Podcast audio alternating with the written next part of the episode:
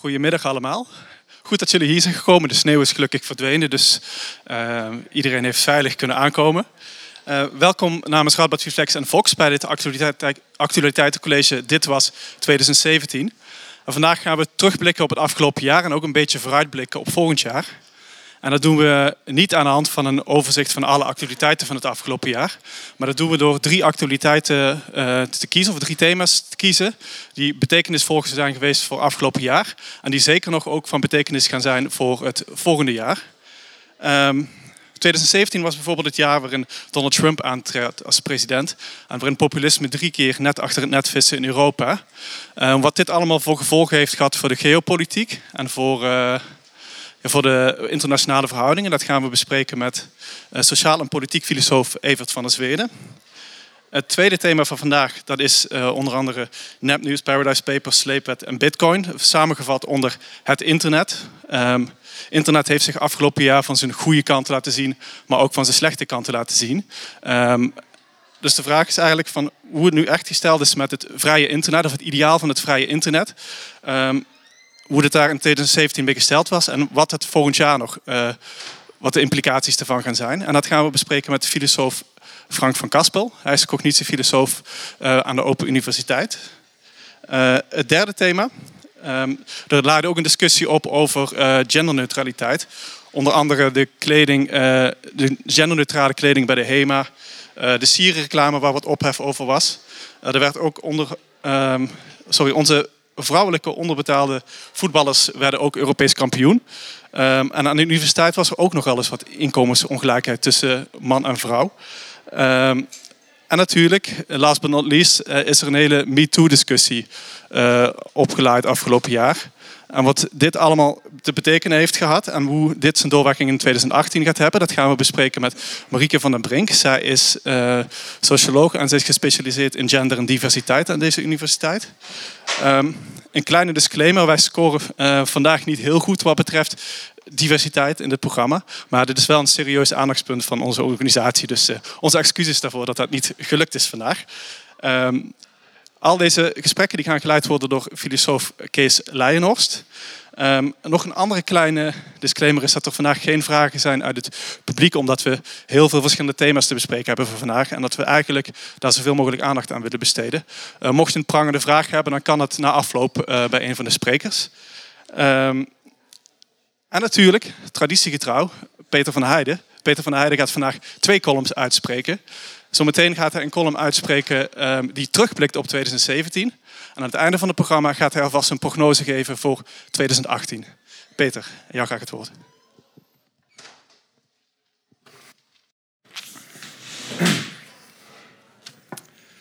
Tuurlijk, we kunnen heel moeilijk gaan doen over het bijna afgelopen jaar. Trump die de wereld bijna elke dag een stapje dichter bij de afgrond brengt en nog steeds maar niet afgezet is aanslagen in het Verenigd Koninkrijk, in Spanje en in de Verenigde Staten. De brand in de woontoren in Londen. Raket- en kernproeven door Noord-Korea. Vuurwapengeweld in Amerika zonder enige consequentie voor het recht om wapens te dragen. Gedonder in Catalonië. De opkomst van Baudet in de peilingen. De Zwarte Pieten-discussie. Redenen genoeg om je bijzonder druk te maken om 2017. En al helemaal omdat ik nog vergeten was te melden dat het Songfestival gewonnen werd door een onverstaanbare en tonaal uitgedaagde Portugees. Maar was het afgezet tegen andere jaren allemaal wel zo opmerkelijk? Nee, het was eerder bijna normaal. Oké, het blijft even wennen om Trump normaal te vinden, maar voor de rest was 2017 misschien zelfs wel rustig te noemen. Saai misschien wel. Om maar eens een reclame te parafraseren, doe maar een jaartje. Op één ding na natuurlijk. En dan doe ik niet op het feit dat de Oranje Leeuwinnen de Europese uh, beker pakten. Terwijl de mannen zich niet eens konden plaatsen voor de eindronde van de WK. Hoe mooi het eerste en hoe schokkend het laatste ook was. Nee, als er één ding 2017 karakteriseert en boven andere jaren laat uitsteken, dan is het wel de MeToo-beweging. Hashtag MeToo-beweging. Na de spectaculaire deconfituur van Hollywood-producer Harvey Weinstein volgde een waslijst aan namen van mannen die zich aan anderen vergrepen zouden hebben.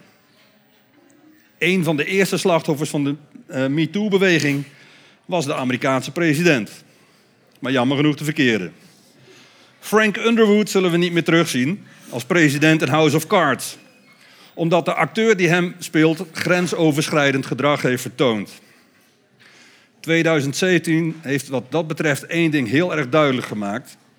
Als je de Amerikaanse president speelt, word je aan hogere standaarden gehouden dan wanneer je de Amerikaanse president bent. Dank u wel.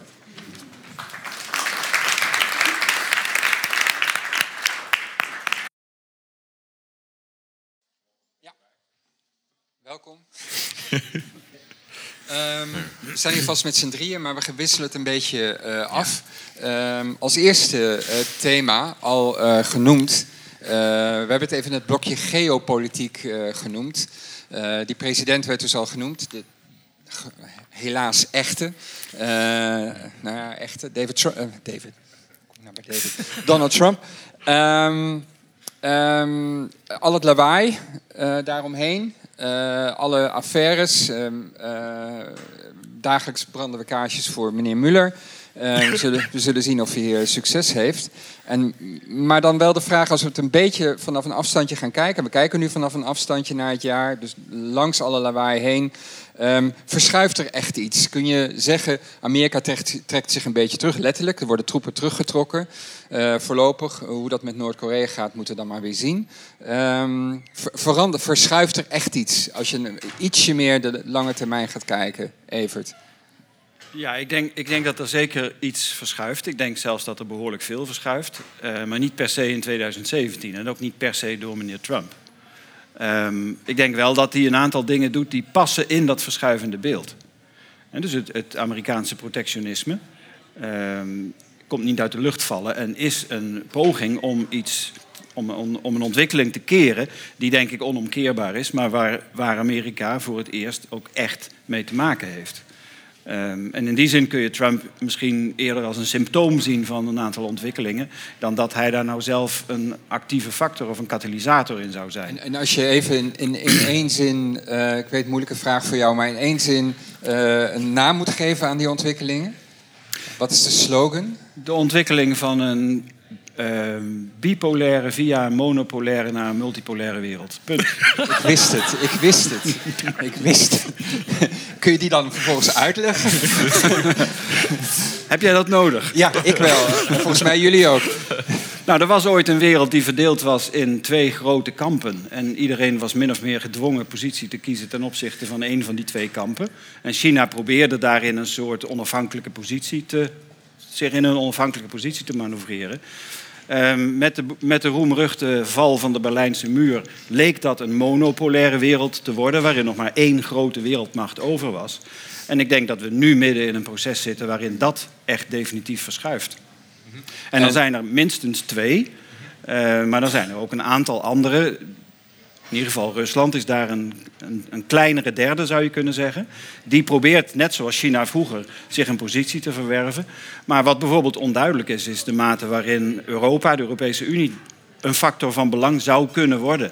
Er zijn duidelijke bewegingen in de richting van versterkte integratie van de Europese defensie. Of dat lukt is een andere vraag. Maar de, de druk is heel duidelijk aanwezig. En, en als je nu, uh, we mogen ook een beetje vooruitkijken. Waar, waar, waar verschuift dit naartoe volgens jou? Je hebt net een slogan, hè, bipolair, multipolair. Um, ja. Komt er nog een nieuwe pol bij? Of, of uh, waar, ga, waar, gaan we naartoe? Nou, ik denk dat. Ik, ik hou niet zo van voorspellingen, maar als je iets zou moeten voorspellen, dan denk ik dat het in de richting zou kunnen gaan van 3,5 pol. En dan is de Europese Unie is één van de drie en Rusland is de halve die erbij komt. En kun je, bedoel, Rusland is je specialiteit. Je bent volgens mij net voor de 32e keer of zo uh, uh, er geweest. Hoe, hoe, hoe, hoe, kijk, we hebben daar een beeld van. En we hebben zeker een beeld van Poetin en, en mm. de machtswellusseling, et cetera. Maar in dit hele verhaal, waar staat Rusland volgens jou? Rusland is nog altijd militair gezien echt een grote speler op het wereldtoneel. Rusland heeft een enorme legermacht. En die, in tegenstelling tot de negentiger jaren, toen dat compleet op zijn gat lag, is het nu heel goed georganiseerd. Dat zie je bij de interventie in Syrië bijvoorbeeld. Rusland heeft dat, wat je er verder ook van vindt, maar heeft dat bijzonder goed, militair gezien, heel goed gedaan. Um, Maar Rusland is geen economische grootmacht en zal dat voorlopig ook niet worden. Dus Rusland heeft niet wat China wel heeft en de VS ook en de Europese Unie potentieel ook. Een enorme economische basis om een wereldmacht te zijn. Wereldmacht gaat niet alleen maar over kernkoppen. Als dat wel zo was, dan was Noord-Korea een wereldmacht. En, en, hoe verhoudt jouw verhaal zich tot uh, uh, mensen? Uh, we hebben recent nog een, een Radboud gehad over, over China. Het feit dat China zo ongeveer nu heel Afrika heeft opgekocht. Afgezien van de grote chateau, wijnchateaus in Frankrijk, die ze ook al hebben opgekocht. De zogenaamde traditionele Italiaanse leden waren. Mm. Um, is dat niet, hè, dat wordt, gezien, wordt door sommigen gezien als daar zit zeg maar de dreiging. En, en dat, zou, dat zou eigenlijk ook de dreiging zijn waartegen de, de rechterhelft van dat plaatje, de Europese Unie, uh, zijn eenheid zou moeten vinden. Heeft eigenlijk helemaal niks met Rusland of wat dan ook te maken. Hoe, hoe, hoe sta je daar tegenover? Ja, ik ben niet zo geneigd om dat te zien als grote geopolitieke dreigingen. Ik ben ook een beetje allergisch voor, voor uitdrukkingen in de trant van de Chinezen nemen het allemaal over en zo. Um, ik denk dat China in Afrika niet iets anders doet dan wat de Europese Unie en de VS daar ook decennia lang gedaan hebben. Um, ze doen het alleen waarschijnlijk wat verstandiger en wat, wat effectiever. Ook opportunistischer misschien. Ze hebben natuurlijk niet dat typisch Europese postkoloniale complex, waar Afrikanen ook allergisch voor zijn. Geen last van mensenrechten. Met hebben, nee, maar ze hebben ook. De, wij hebben, wij hebben een soort compensatiedrift in al dat investeren in die voormalige koloniën. En dat vinden die mensen in die landen zelf ook helemaal niet fijn. Die willen ook veel liever een, een helder contract met een heldere buitenlandse partner. En dan maakt het ze eigenlijk niet uit of dat uit China of uit Turkije komt of uit Brazilië of waar dan ook vandaan. Vergeet dat ook niet. Hè. Brazilië bijvoorbeeld is ook massaal aan het investeren in datzelfde Afrika. Nou, nou, zijn dit, nou heb je eigenlijk, je, je, je, je, plaatje tot nu toe is vooral een soort structureel plaatje. Uh, niet per se inderdaad, zoals je zegt, 2017. Maar hoe moeten we dan, ik bedoel, we kunnen er toch niet omheen als we even teruggaan naar 2017. Het is het, uh, hij is niet man of the year geworden zoals hij uh, zelf had gehoopt mm en verwacht. en zelf vindt ook dat hij is. Uh, in 2007. Maar dat is hij in zekere zin natuurlijk wel. Mm -hmm. hoe, hoe, hoe, moeten we, he, hoe moeten we dit een plaats geven in dit verhaal? Je hebt de neiging naar de structuur te gaan, maar nu even terug naar de conjunctuur, naar ja. de dagelijkse politiek, waar, waar hij in ieder geval inderdaad dagelijks aanwezig is. Nou, dan denk ik dat Trump, als het gaat. Oh, ik denk dat Trump per saldo veel belangrijker is voor de Amerikaanse binnenlandse politiek dan voor de buitenlandse politiek. Ik denk niet dat Amerika hele grote andere dingen gaat doen. Uh, daarvoor is Trump ook te te irrationeel, zou je kunnen zeggen. Ik die heeft niet echt een plan. Die reageert op het, op het ochtendnieuws um, zit, en gaat dan als een gek zitten twitteren. Um, dat zal hij nog een hele tijd kunnen doen. Maar hij is ook niet in zijn eentje. Dus het beeld van Trump die um, met, zijn, met zijn trillende hand vlak bij de rode knop zit en zo dadelijk de wereld in brand kan zetten, dat klopt natuurlijk ook niet. Als hij opeens de orders gaat geven voor een atoomaanval op Noord-Korea, dan gaat het Amerikaanse leger daarvoor staan. Die gaan dat niet doen. Dus in die zin is denk ik zeker in de internationale politiek ook de, de, moeten we de macht van zo iemand als Trump ook niet overschatten.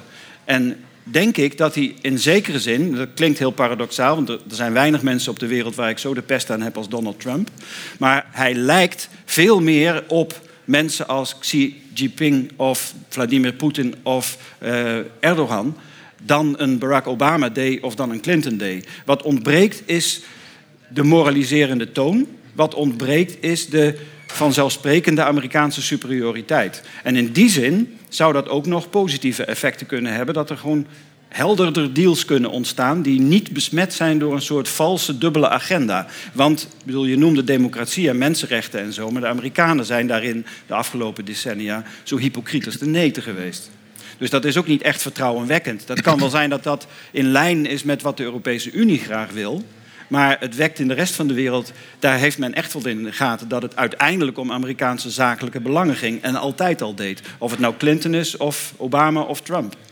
Nou, nou heb je daar, ga je daar ook weer meer naar een structuurverhaal eigenlijk. Dus uh, inderdaad niet de, de, de, de gek aan de knop, et cetera. Nu las ik volgens mij gisteren of zo een, een bericht, eh, ik denk op de BBC... dat een van de topdiplomaten die nu successievelijk ofwel zelf vertrekken... ofwel eruit gegooid worden op het State Department, het ministerie van Buitenlandse Zaken...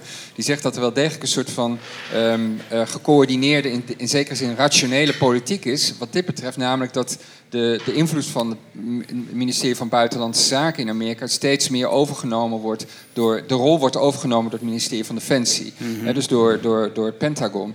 Dat, dat zijn wel dingen. ehm, ja, ik, ik ik switch het nieuws soms een dag lang af, want ik, ik, dat kan mijn hart eigenlijk niet verdragen. Gewoon maar dit zijn wel het soort van berichten waarvan ik dan wel ga denken: wow, d- daar zit dus wel visie op de een of andere manier. Misschien niet van hem, maar wel van een kliek, een kliek eromheen. Ja, Hoe- hoe- daar, zit, daar zit wel denk ik duidelijk een machtsverschuiving, ja.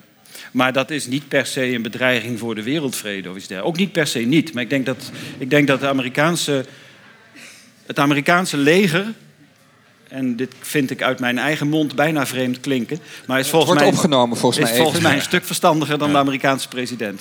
Maar vind je niet ook is dat, dat zijn, zijn perspectivering, dat hij steeds naar structuur trekt, dat Ja. dat heel erg ook relativeert? Ach, het zat wel mee en het is toch wel onderdeel van wat er gebeurt. We kunnen toch ook boos worden en zeggen van, maar dit is toch, toch gek, hier moeten we iets aan doen. En eh, dit versnelt het proces of weet ik wat. eh, of, of, Waar blijft de opwinding? Ja. ja. Ja, maar ik vind dat je. Ik vind dat je je op moet winden over dingen waar het ook effect heeft wanneer je je daarover opwindt. Oké. Dus als dit gaat over, over verschuivingen in de, in de machtsbalans in de wereld, eh, daar kan ik me over opwinden. Maar ik zie in, wat dat betreft zie ik in de Amerikaanse buitenlandse politiek ook geen echte veranderingen waar ik me nou eens verschrikkelijk over op zou winden. Ik bedoel, neem het recente besluit om eh, Jeruzalem te erkennen als hoofdstad van Israël. Ja, dat heeft Trump gedaan. Maar tegelijk, dat zat er al tientallen jaren aan te komen. Dat was in zekere zin onvermijdelijk. En je ziet aan de rea- reacties vanuit de Arabische wereld... dat dat ook als iets onvermijdelijks wordt opgenomen. Er komt een verbale reactie, een sterke verbale reactie... maar er worden, er worden geen echte actie ondernomen. En het zou mij zelfs helemaal niet verbazen... wanneer vanuit het Witte Huis daar ook eerst even contact over geweest is... met Egypte, met Saoedi-Arabië, met de grote bondgenoten in het Midden-Oosten... van wat gaan jullie doen als wij dat doen? Oké, we, we gaan denk ik nu dan toch naar de opwinding toe. Ja, vermoed, vermoed ik maar. Eh, eh, want volgens mij wind jij je eh, heel erg op over inderdaad eh, 2017, vrij recent in 2017, eh, de bedreigingen van de vrijheid van, van internet. Nou ervaar ik internet helemaal niet als vrij en bevrijdend, maar Ja. waar, waar wind je je over op? Vertel. Eh, nou ja, goed, ik dus wel. Ik ben dan misschien van een generatie die daarmee opgegroeid is en nooit anders kent, heeft gekend. En ik zie nu wel veranderingen die, eh, die, het erg, die het in gevaar brengen, het internet. Ehm, ik denk niet dat dat fake news, wat we veel gezien hebben, dat dat nou echt een soort blijvende dreiging gaat zijn in de komende jaren. Ik denk dat we met z'n allen wel een bepaald bewustzijn hebben van, oh, dat gebeurt. En het voorbeeld dat we laatst kregen van onze nieuwe minister van, eh, er is ook in Nederland Russische inmenging, dat viel een beetje op, eh, op dode aarde, zeg maar. Ehm, dus wat dat betreft, en ik, ik zie ook goede dingen komen in de, uit de Mueller probe. Mijn kaarsjes branden elke dag samen. Dus ik denk dat dat, wat betreft de, verhouding met internet en fake news en beïnvloeding van mogendheden, nog wel mee zal gaan vallen. Maar er zijn twee dingen die veel minder in het, in het publieke oog zijn, die wel ook minstens, of eigenlijk nog veel meer bedreigend zijn. En ook juist daardoor voor internet. En dat is dus de discussie over netneutraliteit en wat we in Nederland ook zagen, de sleepwet gebeuren. Dat is dan weer ja, een beetje orthogonaal erop of zo. Maar netneutraliteit, dat is in Europa, zijn we dat best goed voor elkaar. We hebben strikte regelgeving en de Vodafone mag niet. Leg uit wat het is, Ja? want daar, daar begint het voor mij Ja, ik, ik kan ons niet voorstellen dat iemand het niet weet. Ja, maar dat is, dus, dat is precies mijn fout. Ja, dus wie, wie, heeft, wie heeft niet scherp voor de geest wat netneutraliteit inhoudt? Ja, zo, ja, onwaarschijnlijk. Ja. Dus, ik, ik, word hiermee wakker s ochtends. Nee, dus netneutraliteit. Het idee is, eh, internet is, is begonnen destijds als gewoon een open netwerk. En iedereen die een computer heeft, kan van die computer een server maken. Dat wil zeggen, een computer kan iets leveren aan het internet. Eh, dus iedereen kan dan de data van die server opvragen via dat netwerk. Eh, nu is het zo dat er natuurlijk een bepaalde partijen daartussen die server en jouw computer thuis in staan. Dat zijn de internet service providers, je Ziggo en je KPN enzovoort. Die zorgen er fysiek voor dat die data van de ene computer naar de ander gaat. En op dit moment is het zo dat die, dat die internet service providers alle data behandelen eh, zoals alle andere data. Dus data bits, is ja. bits is bits. Ja. ze houden natuurlijk wel bij waar je heen gaat. En als jij je internet service provider belt, dan weten ze ook al... oh ja, u was gisteren ook al op die site. En oh, u heeft zoveel geüpload naar die pagina. Ja, dat weten ze, want ja, zij verzorgen dat. Dus iemand moet het weten. Hè. Binnenkort komt daar nog weer DNS-security bij, komt wel goed. Maar die partijen zitten dus middenin. En wat die partijen nu gaan willen... eh, is onderscheid maken tussen type data. Of niet, ty- niet type data, want alle, alle data zijn enen en nullen. Maar de, de, de richtingen waar sommige data heen gaat. Dus die willen zeggen, hey, als jij Facebook wil gebruiken, dat is prima. Hè, En dan begint het met het idee, we kunnen Facebook nog sneller voor je maken. En denk oké, nou prima, denk je als consument. Goed voor de consument, toch? Kan ik snel naar Facebook. Maar dat betekent natuurlijk dat Facebook dan opeens een soort eh, incentive heeft, een aansporing krijgt, om dat soort partijen, die service providers, te gaan betalen. Om te zorgen dat consumenten snel op Facebook kunnen. En nieuwe start-ups die een concurrent voor Facebook willen zijn, of voor Netflix, of voor Reddit, of voor wat dan ook, die kunnen die service providers niet betalen. En dan betekent dus dat de concurrentiepositie van nieuwe partijen op internet erg verslechtert. En dat je gaat krijgen dat grote corporaties gaan bepalen wat wij snel kunnen bezoeken en wat niet. In Amerika hebben we allerlei voorbeelden al gezien. Er is Comcast bijvoorbeeld, is een service provider daar. En die hadden zelf een concurrent voor Netflix. Dus wat zij gedaan hebben, ze hebben gewoon op hun Netflix, op hun netwerk, hebben ze Netflix vertraagd en hun eigen service versneld. Dus iedereen die bij Comcast zat en vaak ook geen keus had, want er is vaak maar één aanbieder, ja, die kan dus niet eigenlijk feitelijk niet naar Netflix kijken, maar wel naar de aanbieding van Comcast. En zo zie je dat bedrijven dus gaan beïnvloeden wat wij doen op internet. En dat begint dan onschuldig met commerciële belangen, maar dat kan natuurlijk enorm uit de klauwen lopen. hoe ga ik daar last van krijgen? Hoe ga jij er last van krijgen? Nou, zoals ik al zei, in Europa hebben we goede bescherming. Eh, we hebben Europees niveau uh, net neutraliteitsregels vastgelegd. Maar in Amerika is dat eh, op dit moment erg problematisch. Uh, ik zal zo meteen misschien als er tijd is vertellen over hoe dat proces nu gaat. Maar als in Amerika netneutraliteit verdwijnt en iedereen zegt, ook IG Pie van de FCC zegt, nee, we willen het juist makkelijker maken en het gaat helemaal niet verdwijnen, maar dat is allemaal totale onzin. Uh, dat betekent dat wij in Europa ook natuurlijk anders toegang gaan krijgen tot internet in Amerika. Maar er is niet zoiets als internet in Amerika. Want internet is globaal. Het is één netwerk. Dus als één enorm deel van uh, de content die je kan krijgen online verstopt raakt achter paywalls of het langzamer wordt, uh, ja, dan gaan wij daar in Europa ook last van krijgen. En dat betekent ook dat wij, als wij in Europa een start-up willen maken die in Amerika aan de bak wil, of die jij wil een nieuwswebsite maken en gelezen worden door Amerikanen. Dan krijg je dus concurrentie van partijen die met geld voordeel kunnen kopen. Nou ja, dat is gewoon. Uh, eh, vreselijk. En, en dit is misschien een mooie pivot dan naar dat uh, sleepwet gebeuren.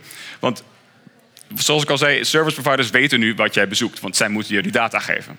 maar er is los daarvan geen soort motivatie om jouw data te analyseren. En als je dus netneutraliteit afschaft en en je wil dan wel fast lanes gaan maken en onderscheid maken naar soorten data, dan creëer je dus echt fundamenteel een soort noodzaak om te gaan kijken wat mensen bezoeken en waar ze heen gaan.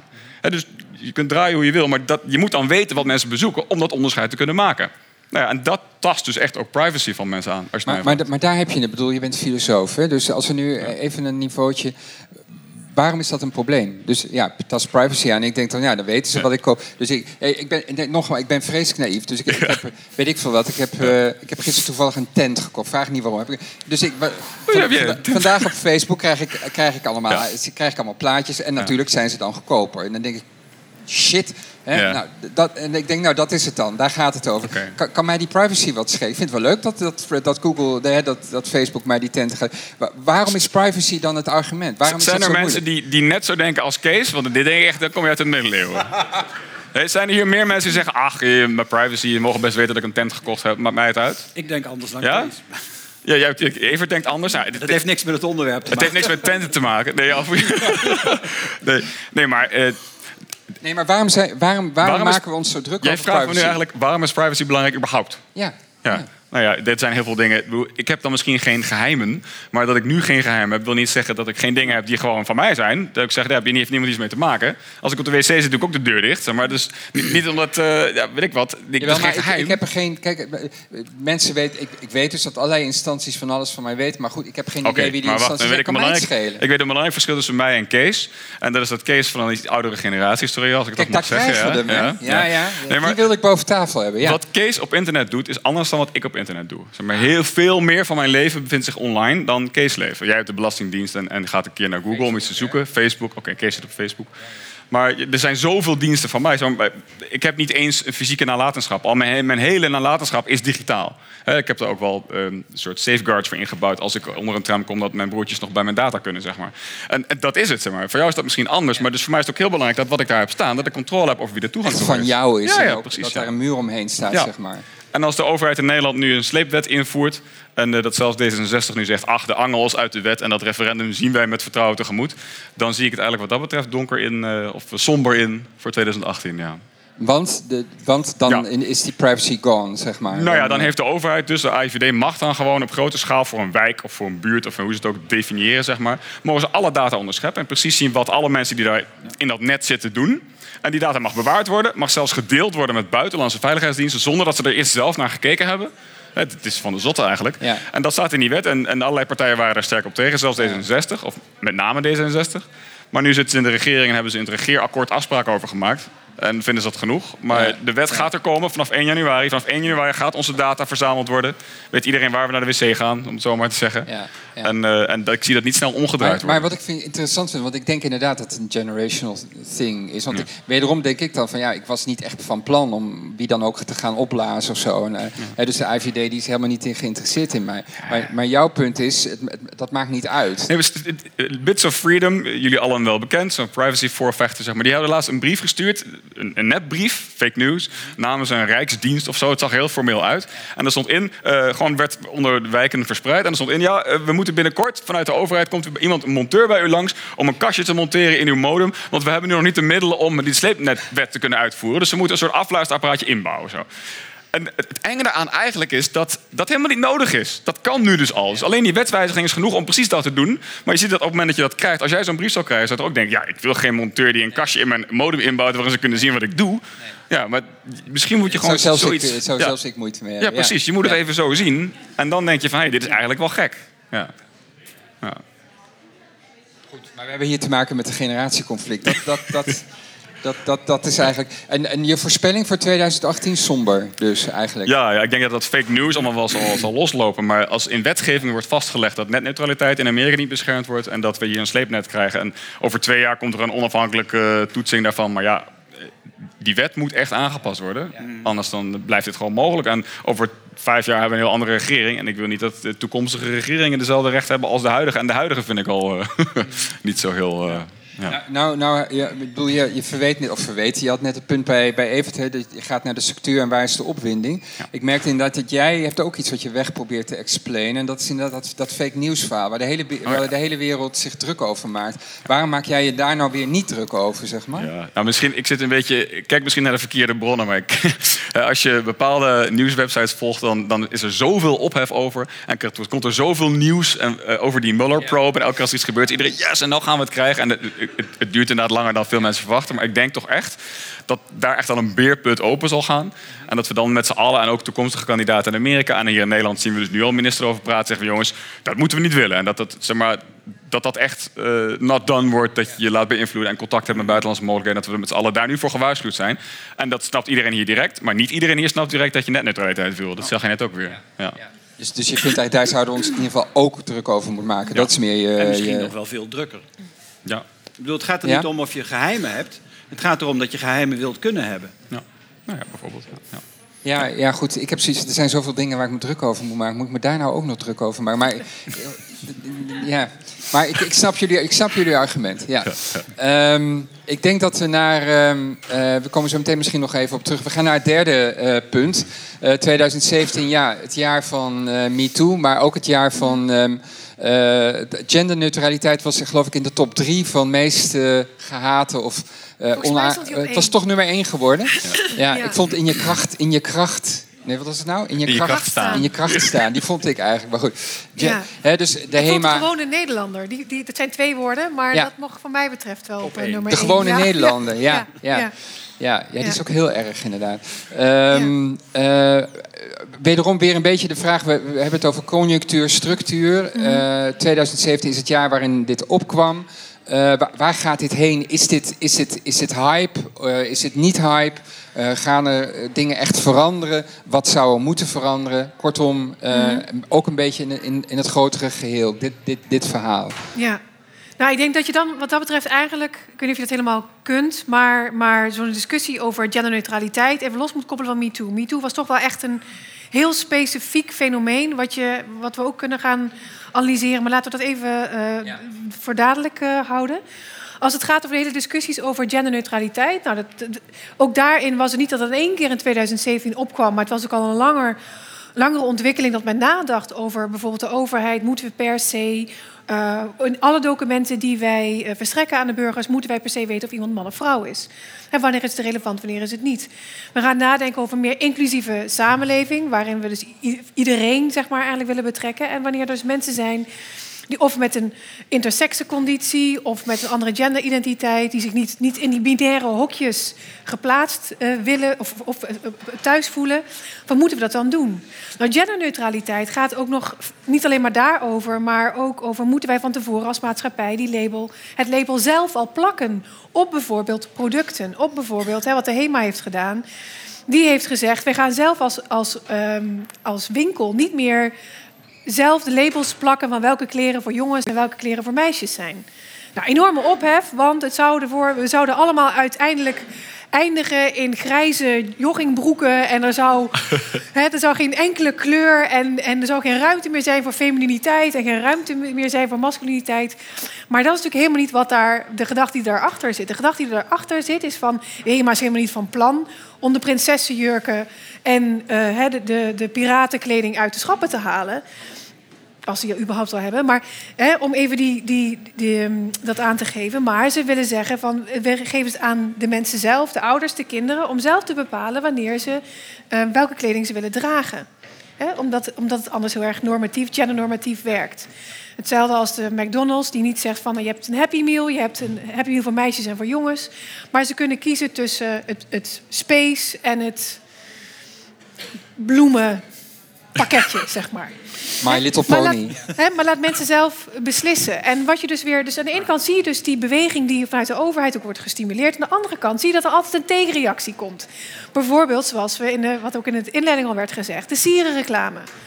Want die deden dat juist weer wel. Die, die plakten die gendernormen van hoe je als man. Um, of als vrouw eigenlijk zou moeten zijn, in dit geval als jongetje of als meisje, die plakten ze er weer keihard op. door de reclame mag jouw jongen weer jongen zijn. Um, het punt eigenlijk was van, wij vinden dat kinderen eigenlijk te veel binnen zitten, dat ze achter een spelcomputer zitten. Eigenlijk zouden het veel meer moeten toestaan dat kinderen weer naar buiten gaan, uh, um, he, gaan rouzen, voetballen, vies worden, hun eigen scheet in de fik steken, zeg maar, zoals in het filmpje werd laten zien. En daar werd er dan vervolgens gezegd, ja, dat is jongensgedrag. En moeten jongens, hè, we moeten jongens dat laten, laten doen. Uh, maar, wat, maar wat dan voor jongens die helemaal niet willen rouzen buiten, maar binnen een boekje willen lezen? En wat van meisjes die heel graag willen voetballen? Ben je dan geen meisje of ben je dan als jongen geen jongen? Dus in ieder geval, die discussie, die, die, die, je ziet dat daar altijd weer ja, zijn krachten, zijn tegenkrachten daarin.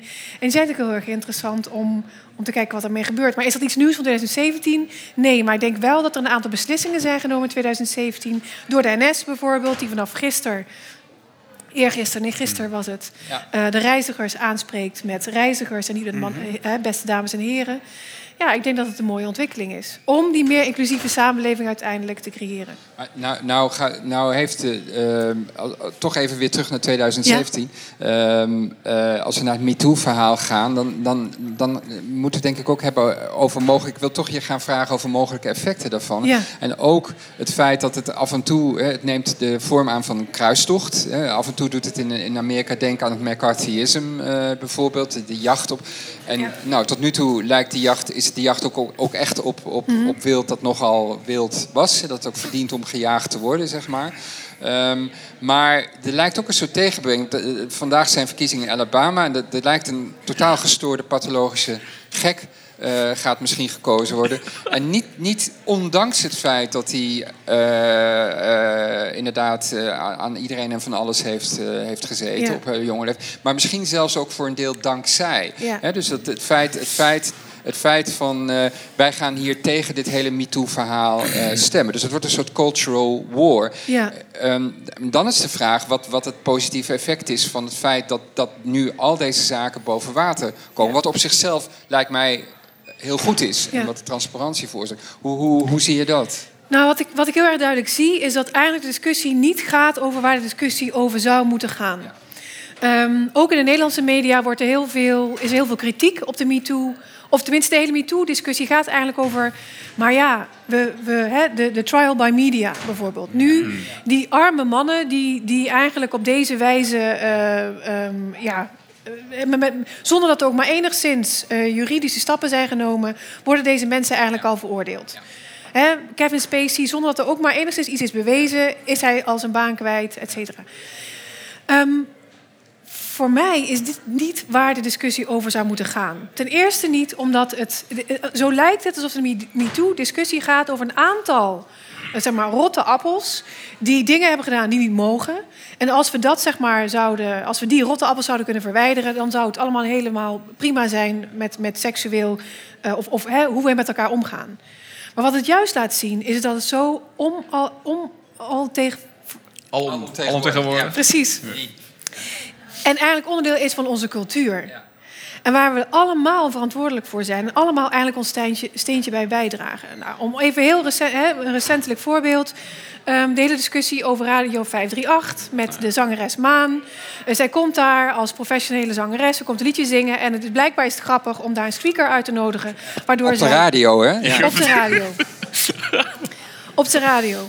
Ehm, een ander voorbeeld, eh, De Wereld Draait Door... die heel veel aandacht heeft gehad voor de MeToo-discussie... maar vervolgens in de tv draait door een aantal fragmenten laat zien... uit de Belgische tv, de, de Slimste Mens... waar de meest seksistische grappen worden gemaakt. Dan denk ik, jullie hebben het gewoon echt niet door. Dus wat de MeToo-discussie waar die over zou moeten gaan... is dat 80% van de vrouwen, maar ook heel veel mannen... te maken hebben met grensoverschrijdend gedrag. Op het werk, op, in, in, in- tijdens hun hobby's. Er stond vandaag weer een stuk in de, op de NOS-site, zag ik... over 1 op de 8 eh, bij de sportclubs eh, komt het voor. Daar zou het moeten over gaan. Dat het iets is van een structureel probleem is... waar we het over zouden moeten hebben. Nu zeg je, daar zouden we het over moeten hebben. Dat, dat is fijn. Maar, maar gaan we het er dan over hebben? Of zou het kunnen... Dat zou is het aan kun- ons. Ja, maar zou het kunnen zijn dat het door, dus door deze MeToo... Enorm, door de publiciteit, door de, de intensiteit van de discussie... we het eigenlijk niet ga- over gaan hebben waar jij zegt dat we het over zouden moeten hebben. Ik vind dat we Zou het kunnen? inderdaad te weinig over hebben. En omdat er dus ook heel veel mensen zijn die het opnemen voor de, de schuldige mannen, eh, k- wordt die discussie eigenlijk als het ware gekaapt. En er wordt ook gezegd van ja, maar daar zou het. ehm, wat men ook niet ziet, is dat het eigenlijk die trial by media bijna de enige manier is. Om, als het echt gaat om deze mannen, hè, bijvoorbeeld eh, Weinstein, hoe anders dan op deze manier hadden die vrouwen dat moeten doen? Die hebben het namelijk op allerlei andere manieren al geprobeerd. Hè, bijvoorbeeld als je, als je dus echt mensen zijn die bijna onontastbaar zijn, dan kun je het bijna alleen maar collectief, via openbare, via de media doen. Betekent dat er collateral damage is? Ja, dat zou heel goed kunnen. Maar desalniettemin is het, is het voor heel veel de enige manier om dit aan de kaak te stellen. En gaat dit dan ook in 2018 echt gebeuren? Voor, dus, dus zie, je dit, zie je dit gaan naar het niveau waar, je, z- waar jij zou willen, waar denk ik heel veel mensen, ik ook, zou willen dat het gaat, eh, gaat zijn? Of gaat de, gaat de kruistocht zeg maar door? Gaat McCarthy Nee, ik denk, dat men, ik denk eerder dat het gevaar is dat er een soort moeheid ontstaat. Dat zie je eigenlijk nu al gebeuren. Mensen denken van, dan moeten we het daar nog over hebben. Ehm, ik denk wel dat er groepen zijn die er wel mee doorgaan... die eigenlijk nu meer munitie hebben gekregen om die discussie te voeren. Ehm, over gender-based violence bijvoorbeeld. Dus in die zin zie je wel, hè, bijvoorbeeld wij, wij ook met de Internationale Vrouwendag... zal het weer als een thema op de agenda staan. Je ziet wel dat er steeds meer aandacht voor gaat komen... en dat er discussies over gevoerd worden. Gaat het een heleboel veranderen? Nee. Ik denk niet dat we denken, dat we denken na 2018 hebben we dit opgelost... en eh, bestaat geen grensoverschrijdend gedrag meer. Dus de grootste ehm, ja, bedreiging voor de discussie is eerder de, de moeheid. Niet zozeer dat het alleen maar gaat over die. Ja, is het moeheid of is het misschien ook ba- ba- backlash? Ja, eh, dus de Roy Morris van deze wereld. Ja, Ja, allebei, ja, allebei. Om die moeheid die creëert die backlash ook, denk ik. Ja, maar als, we het even gaan met, met een ander thema... dat ook niet van 2017 was, ook al eerder begonnen... is maar 2000 wel heel, heel sterk de Zwarte Piet discussie. Ja. Die volslagen, die helemaal geen discussie is eigenlijk. Eigenlijk een soort schreeuwpartij eh, over en weer, over en weer is. Daar, daar, lijkt het, daar zie je volgens mij die backlash inderdaad heel duidelijk aan het werk. Van, jullie gezeur over neopost, weet ik veel wat, koloniaal. Wij willen onze Zwarte Piet. En, en, en, en dus krijgt de hele, de, hele, de hele vraagstelling... en de vraagstelling naar koloniaal verleden... en hoe het doorwerkt en slavernij... Ja. Wordt, eigenlijk, wordt eigenlijk... De discussie mag niet eens starten, bij wijze van spreken. Verwacht, zou zoiets ook niet met de MeToo-discussie kunnen gebeuren? In, in, in Amerika lijkt dat dus voor een deel Ja. het geval met deze, met deze Roy Moore. Ja. Nou, wat je eigenlijk ziet, ehm, er stond laatst ook een, ehm, het percentage Nederlanders dat eigenlijk vond dat Zwarte Piet niet meer kon, dat is sinds 2013 wel enorm, hoe heb ik het nu net gezegd? Toegenomen. Ja, ja, ja. Zeg maar. Dus het lijkt eigenlijk dat er steeds een kleinere groep die heel hard schreeuwt en daar heel erg tegen ageert, maar over het algemeen zeg maar, is er een steeds grotere groep die zegt: ja, Zwarte Piet is eigenlijk niet meer van deze tijd. Dus het lijkt, aan de ene kant zie je dat, er, dus dat die groep dus wel groter wordt, terwijl die kleine groep die er echt tegen is, die blijkt, ehm, als het ware, die stem blijkt steeds sterker te worden. En dat de media op een of andere manier nu ook heel graag, hè, moeten allebei de kanten, ook heel veel ruimte eh, biedt voor die stem. Ook al is die eigenlijk nog maar. ehm, Ja, ze blokkeren ook wel snelwegen nou, dus op zich. Ja, ja. Dokkum, ja. ja. Ja. Dat was ook 2017, ja. Eh, maar, maar, landing maar, van maar dat brengt ja. misschien, misschien te- is het een thema voor jou even, maar het kan, eh, misschien is het een particuliere observatie, maar dat valt mij wel ook op in 2017, ook al langer aan de gang.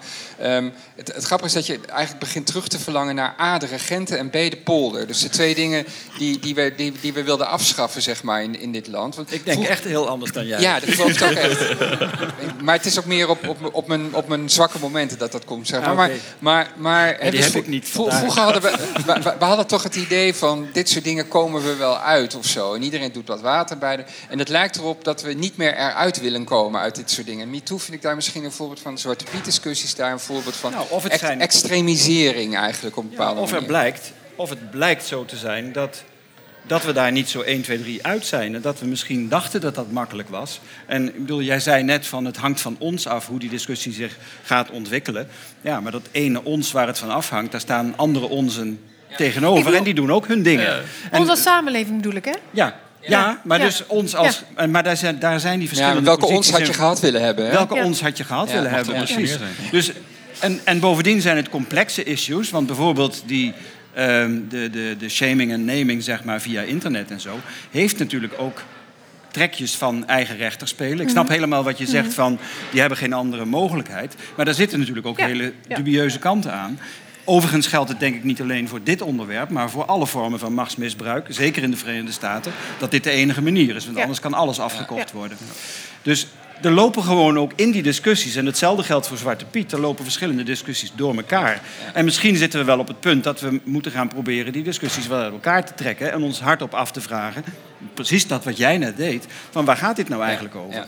Dat lijkt me een goed besluit, want eh, ik krijg eh, wanhopige seintjes van eh, eh, onze leiding. We moeten naar onze parttime Sinterklaas eh himself, Peter van der Heijden. eh, voor de afsluitende column. Dank jullie wel. Dan maak ik even plek. Jo.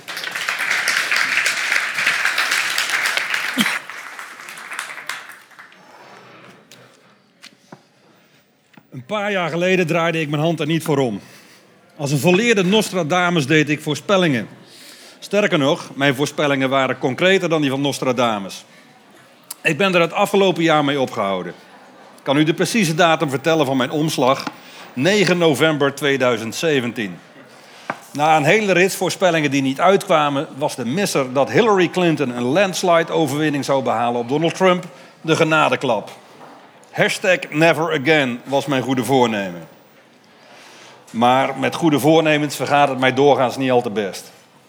Dus speciaal voor deze gelegenheid haal ik mijn glazen bol maar weer eens uit de kast. Ik voorspel dat het kabinet Rutte 3 komend jaar valt. Een meerderheid van slechts één zetel in beide kamers zal te weinig blijken te zijn. Ik voorspel dat Rutte opgevolgd wordt door Thierry Baudet. Daarnaast voorspel ik het einde van de periode Trump. Hij zal in het komend jaar vervangen worden door vicepresident Mike Pence vanwege verregaande dementie. Van Trump dan, hè? niet van Pence, die komt daarna. Ook voorspel ik dat de wereld daardoor weliswaar, eh, weliswaar wat rustiger wordt, maar dat de Verenigde Staten van de regen in de druk komt. In de drup. Het zal geen feestje blijken te zijn om onder het juk van deze onverdraagzame christenfundamentalisten moeten leven. Ik voorspel een aanslagje of zes in het westen en een stuk of tachtig in de rest van de wereld. En van MeToo horen we, zo voorspel ik, over een paar maanden, net als destijds met Occupy, eh, Occupy helemaal niets meer. Maar bovenal voorspel ik dat ik volgend jaar, als ik hier weer sta, weer zal moeten bekennen dat ik de plank volledig heb misgeslagen. Het leven is namelijk niet te voorspellen, gelukkig maar. Al kan ik er met deze voorspelling ook weer naast zitten, had ik misschien dus wel gelijk. Och, laat ook maar. We zien het wel, op naar 2018. Ik kan niet wachten. Dank u wel.